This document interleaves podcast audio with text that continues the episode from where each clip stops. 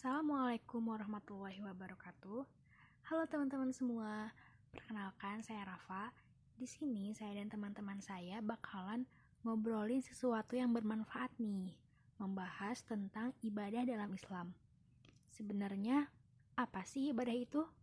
Ibadah secara bahasa berarti perendahan diri, ketundukan, dan kepatuhan. Adapun secara syariat, ibadah adalah sesuatu istilah mencakup segala sesuatu yang dicintai Allah dan diridhoinya, baik berupa perkataan maupun perbuatan yang tersembunyi maupun yang nampak. Seperti yang kita tahu, ada banyak sekali ibadah yang bisa kita lakukan dan ada juga beberapa hukumnya. Yang pertama ada wajib, yaitu bila dikerjakan mendapat pahala dan bila tidak dikerjakan akan mendapat dosa. Yang kedua, sunnah, Bila dikerjakan akan mendapat pahala dan bila tidak dikerjakan tidak apa-apa. Ketiga, makruh. Yang dianjurkan tidak dilakukan, namun jika dilakukan tidak apa-apa. Keempat, itu mubah. Yang berarti mau dilakukan atau tidak itu tidak apa-apa. Dan terakhir, ada haram, di mana jika kita melakukannya akan mendapat dosa. Setelah mengetahui hukum-hukumnya, sekarang kita bahas ada apa aja sih ibadah dalam Islam. Ayo Ren, teman-teman kayaknya udah gak sabar nih buat dengar kelanjutannya. Halo teman-teman semua, saya Rena Amalia. Nah, seperti yang disebutin tadi, ibadah tuh banyak banget yang bisa kita lakuin di keseharian kita.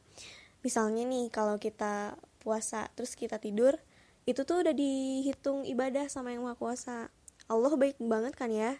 Tapi masa sih ibadah yang bisa kita lakukan cuma segitu-gitu aja. Nah, di dalam Islam sendiri, ibadah itu ada banyak banget. Misalnya ada sholat, zakat, puasa, naik haji, zikir, dan juga berdoa. Membantu orang tua dan memberikan barang pada anak yatim juga termasuk ibadah. Intinya, semua yang kita lakukan dengan tujuan kebaikan itu merupakan ibadah yang nantinya akan dibalas lagi oleh Sang Maha Penyayang. Terus kita bakal bahas semua gak sih ibadah yang tadi disebutin tuh? Nah, di kesempatan kali ini kita nggak akan bahas secara panjang lebar karena bakal panjang banget kalau dijelasin semuanya. Dan di sini juga kita masih belajar jadi manusia yang baik. Nah, bagi teman-teman yang mendengarkan ini boleh banget nih kalau misalkan nanti ada saran atau ada sesuatu yang mau ditanyain atau nanti kita diskusikan tentang apa yang akan dibahas, boleh banget nih. Kita tunggu ya kan, Gin? Bener banget nih, senang banget kita bertiga kalau misalnya bisa diskusi tentang ibadah sama manusia-manusia baik di sini. Eh, kenalin dulu, saya Virgina.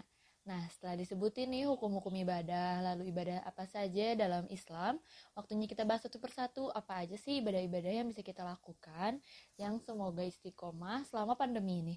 Eh, maksudnya nggak selama pandemi, selamanya. Nah, yang pertama itu kita mulai dari sholat ya. Pasti pada tahu kan manusia-manusia baik di sini. Ada berapa rakaat coba yang wajib kita laksanakan dalam satu hari ini? Ya, benar banget. Ada 17 rakaat yang manusia-manusia baik. Ada dua di subuh, empat zuhur, empat hasar, tiga maghrib, dan empat isya. Tapi kadang kita masih ngerasa kurang gak sih? Kayak masih pengen sholat lagi, sholat lagi, pengen lebih dekat lagi sama Allah. Tapi kan gak mungkin juga kalau kita sholat subuh jadi 6 rakaat. Nah, solusinya tuh kita bisa ngelaksanain sholat rawatib. Apa sih sholat rawatib? Sholat rawatib itu ada ba'diyah dan ada qobliyah, yaitu sholat yang dua rakaat di awal, kalau qobliyah yang dilaksanakan sebelum sholat wajib, dan dua rakaat di akhir yang dilakukan di setelah sholat wajib. Nah, ada juga sholat... Eh, Gin, denger gak sih suara hati manusia-manusia baik? Kalau sama aku kedengeran banget sih. Katanya, Pas subuh, mereka masih ada waktu luang yang sebenarnya bisa banget dipakai buat doa dan zikir setelah sholat. Seperti Astagfirullahalazim, Astagfirullahalazim, Astagfirullahalazim, Allazi la ilaha illa huwal hayyul qayyum wa atubu ilaih. Allahumma ajirna minan nar. Lalu, subhanallah, alhamdulillah, Allahu Akbar, masing-masing sebanyak 33 kali. Oke, lanjut Gin. Oke, lanjut nih. Masuk dari jam 7 hingga jam 11 siang nanti, kita bisa melaksanakan ibadah sholat duha yang bisa kita laksanakan dengan dua rakaat salam, dua rakaat salam, dengan minimal dua rakaat dan maksimal 8 rakaat. Dan manfaat yang kita dapat itu banyak banget. Kita bisa dicukupkan segala kebutuhannya, lalu diberikan kemudahan atas segala urusan-urusan kita, diampuni dosa-dosanya, bisa juga wajah kita nih terlihat lebih bercahaya dan masih banyak lagi. Makasih Gin. Nah, setelah matahari tepat berada di atas kepala kita, tahu dong ya saatnya sholat zuhur. Sholat zuhur itu beda sama sholat subuh. Karena sholat zuhur itu punya sholat qobla sama sholat ba'da yang bisa dikerjakan sebanyak dua rakaat atau empat rakaat baik qobla maupun ba'da. Lalu setelah itu ada sholat asyar yang bisa dilaksanakan dengan melaksanakan sholat wajibnya aja. Terus ada sholat maghrib dan sholat isya kita bisa nih sholat ba'da lagi sebanyak dua rakaat. Nah, teman-teman pasti tahu dong kalau berdoa habis sholat itu merupakan waktu yang mustajab. Tapi tahu gak nih tata cara berdoa yang disukai oleh Allah Subhanahu wa taala? Berdoa itu ada adabnya teman-teman. Yang pertama, kita harus memuji dulu seperti membaca doa As'aluka bi asmaikal husna wa shifatikal ula. Yang artinya, saya memohon kepada engkau dengan namamu yang terindah. Lalu yang kedua yaitu mengakui dosa kita serta memohon ampun. Nah, kemudian yang ketiga akan dijelaskan oleh Rafa. Nah, yang ketiga yaitu dengan khusyuk, tunduk, dan penuh rasa takut. Serta tidak berdoa hanya satu kali saja ya. Kan ya kali berdoa sekali langsung pengen dikabulin. Tetap berdoa dan berusaha baik saat kita senang maupun saat kita sedih ya. Lalu yang selanjutnya menghadap ke kiblat. Tapi ini diusahakan aja. Kalau kita lagi di perjalanan, ya sebisanya aja ya kita menyesuaikan. Dan ingat, kita juga jangan tergesa-gesa. Misalnya, sehabis sholat ingin segera melakukan aktivitas lain dan membuat doa terburu-buru. Itu tuh nggak baik ya. Kita juga harus percaya dan berprasangka baik terhadap Allah karena ia pasti mendengar doa kita dan tahu yang terbaik untuk kita. Sekiranya doa kita ternyata belum dikabul, itu pasti ia sedang mempersiapkan yang terbaik buat kita semua. Bener banget, karena Allah tuh sayang banget sama kita, makanya ya tuh pinginnya tuh ngasih yang terbaik buat kita.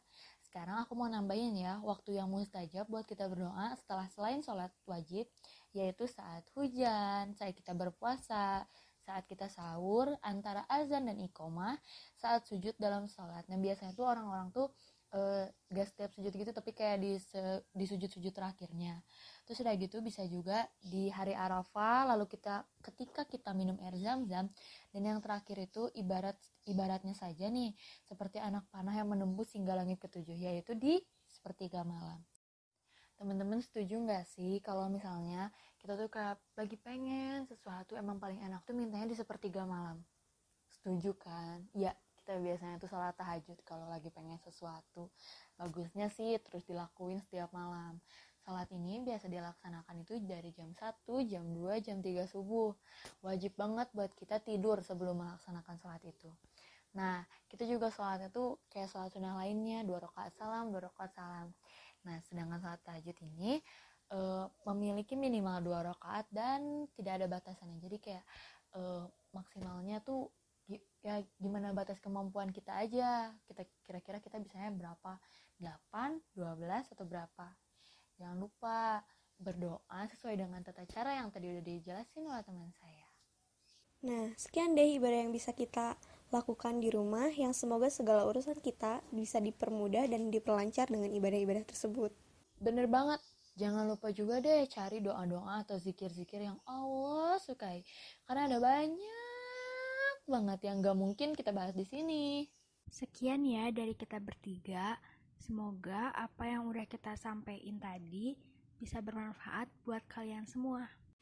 Terima kasih sudah mendengarkan. Wassalamualaikum warahmatullahi wabarakatuh.